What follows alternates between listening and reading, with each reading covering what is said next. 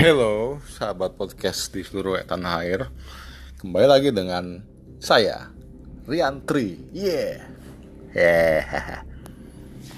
Oke uh, Ini adalah episode kedua podcast Pabrik Jagoan.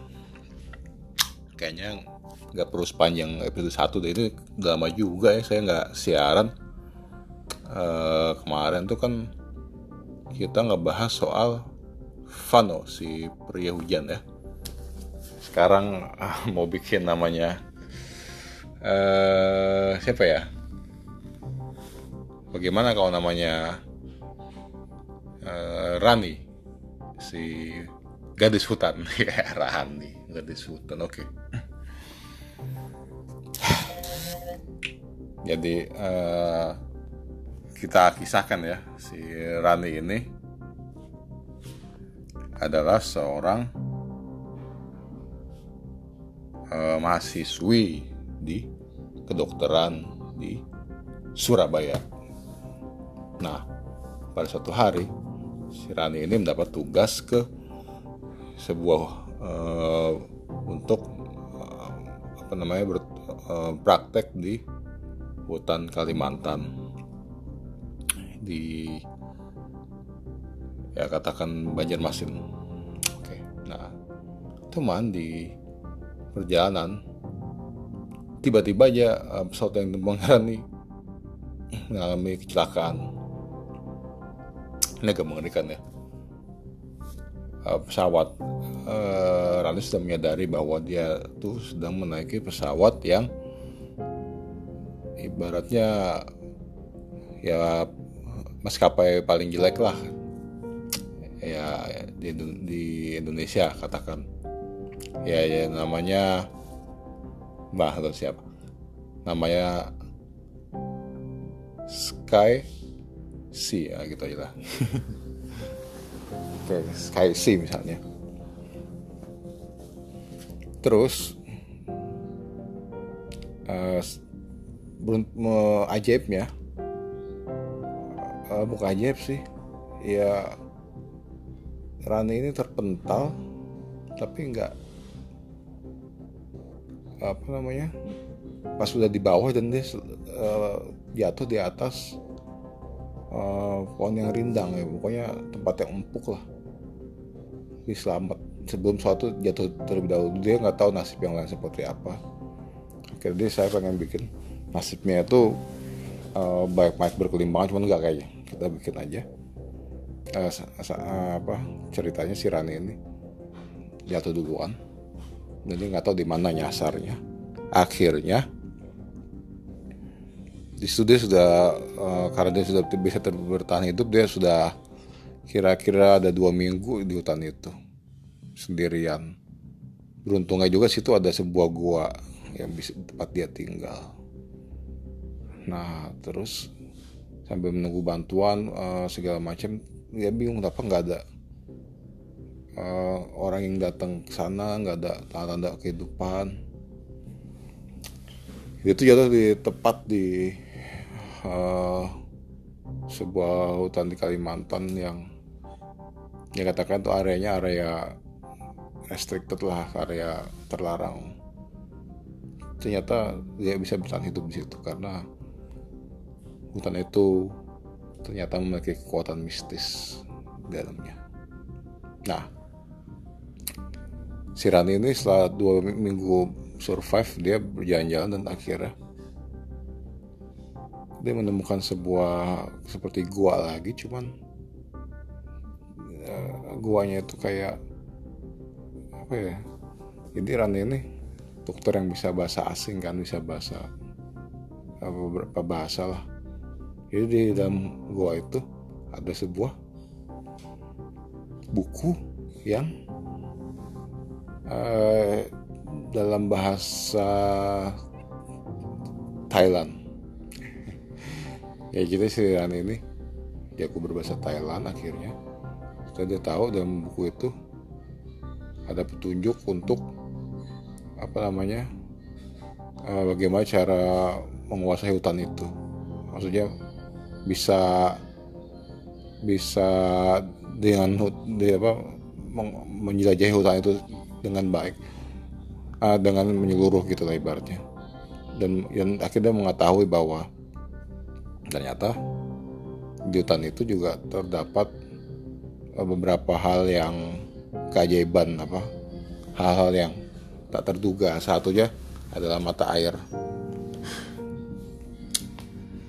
cuma pada saat itu uh, Randy belum membuka satu halaman uh, satu cara agar bisa semua kekuatan di hutan itu bisa menyerap ke dalam tubuhnya.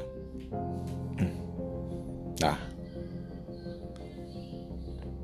ketika uh, dia sudah putus asa kesepian ya dan sudah frustasi dengan segala macam hutan dia sudah tahu apa keajaiban tapi dia, dia menganggap tak ada pengaruhnya. Akhirnya dia membuka halaman buku itu dan ditemukan cara untuk menguasai. Tadi tadi dia percaya, tak percaya untuk bisa menguasai uh, apa namanya hutan itu. Cuman akhirnya sudahlah dia coba dengan cara meditasi dengan cara seperti puasa makan-makan yang ada di situ dia teratur. Dan pada satu malam ketika dia sudah menjalani semuanya itu selama tujuh hari berturut-turut pada satu malam akhirnya dia bermimpi bahwa ada ada seseorang yang menghampirinya. Dan orang itu ya orang Thailand dengan bahasa Thailandnya dia mengatakan kalau sudah saja kamu uh, apa membawa semua kekuatan hutan ini dia pun kaget ah maksudnya ya besok kamu akan pulang ke tempatmu dan kamu akan menemukan dirimu yang baru Rani pun kaget dan, orang itu berlalu begitu saja. Akhirnya setelah bangun terbangun, dia mendengar suara orang kendaraan mencari-cari seperti dan dia akhirnya mencari-cari mendekati suara-suara itu dan ketemu dengan orang-orang tim penyelamat tim SAR dan akhirnya diselamatkan dan pulanglah ke Surabaya. Surabaya Rani uh, awalnya eh, biasa saja lah kehidupannya seperti mulai dapat media juga apa kira kembali ke praktek di dekat rumahnya di kotanya uh, sebagai dokter. Dan dia juga ya ibaratnya menganggap apa yang ada di itu cuma mimpi lah. Dia merasa baru beberapa jam saja terdampar. Padahal pas lihat kalender udah berbulan-bulan juga sih hilang. Dia ngerasa ah itu ya antara percaya nggak percaya dan dia melupakan uh, semua yang udah dipelajari. Sampai pada satu hari rumah Rani uh, buat rumahnya ya. Oh, sa salah satu apa waktu dua praktek di depan rumahnya ada orang dirampok dan diancam dan apa namanya perampokan itu melibatkan seperti penculikan lah jadi ya, sampai jadi si perampok ini kan terdesak dia akhirnya men, uh, mengancam akan membunuh salah satu perempuan yang ada di situ kan.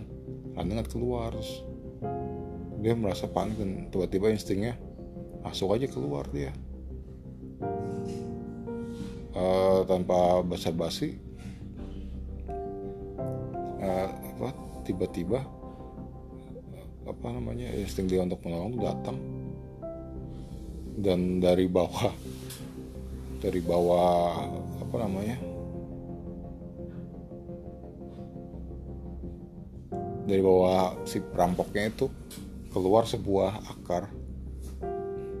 Dan ada cuma memikirkan bagaimana cara untuk supaya orang itu bebas apa membebaskan si tawanannya itu itu tiba-tiba keluar akar dan tiba-tiba langsung mengikat tangannya dan senjata api yang digunakan tidak bisa dipakai. Akhirnya perempuan yang ditawan itu uh, bebas apa namanya udah lepas dari genggaman si perampok itu. Perampok langsung tangkap. Rani sempat heran di situ. Apa yang terjadi pada dirinya tapi pada suatu hari dia mencoba uh, membayangkan kembali citra hutan yang ada yang pernah dia temu apa terdampar itu tempat dia terdampar sewaktu akan pergi ke Kalimantan itu ternyata uh, dia membayangkan sebuah bunga dan tiba-tiba muncullah bunga di kebun samping rumahnya beberapa tanah sama sekali dan dia pun akhirnya menggali kekuatannya. Oh, ternyata dia memiliki kekuatan mistis yang dapat membangkitkan bunga itu. Eh, tumbuh-tumbuhan.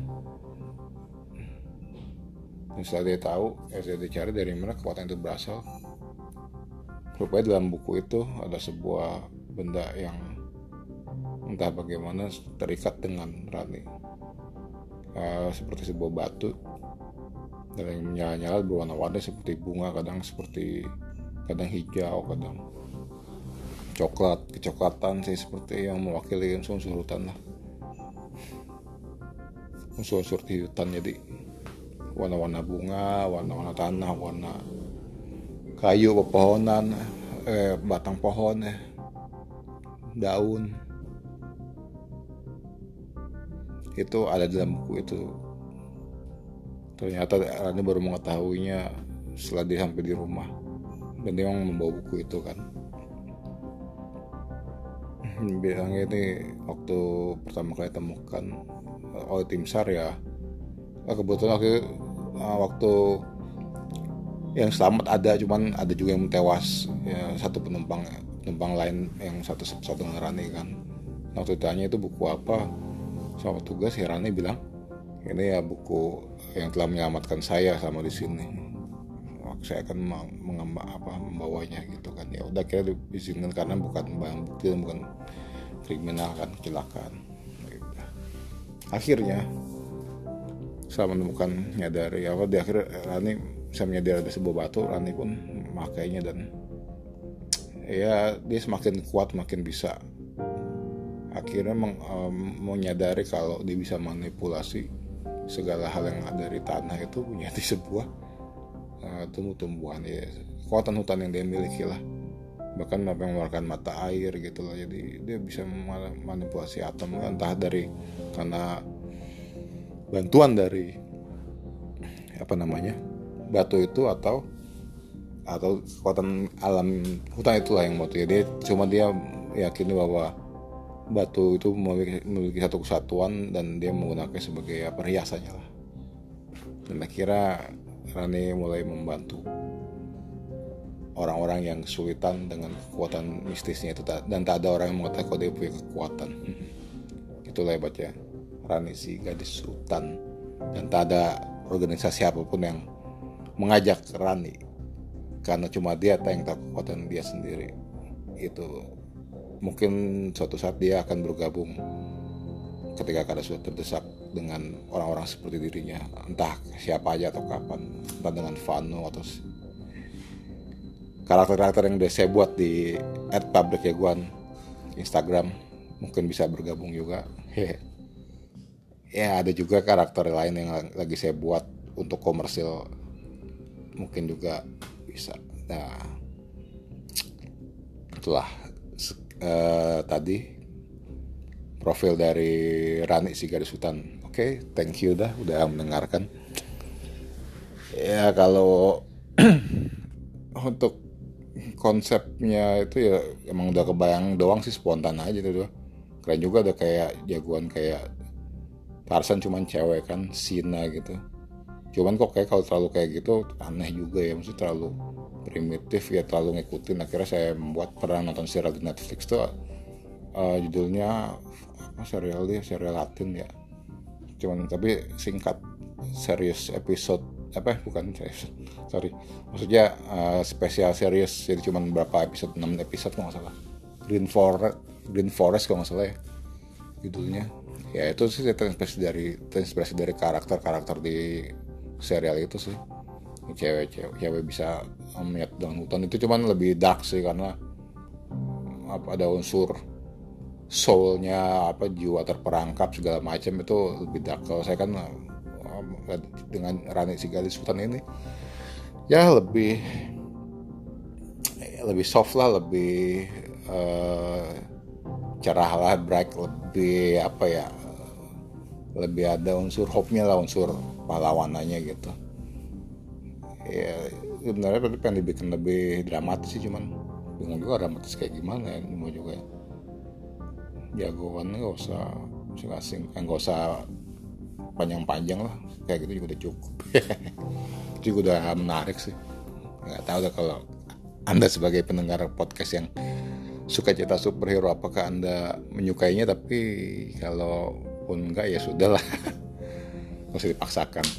Ya itu deh oke sekian dulu podcast dari Riantri di Pabrik Jagoan dan sampai jumpa pada episode selanjutnya dengan hero-hero terbaru yang nggak kalah gokil dan nggak kalah keren.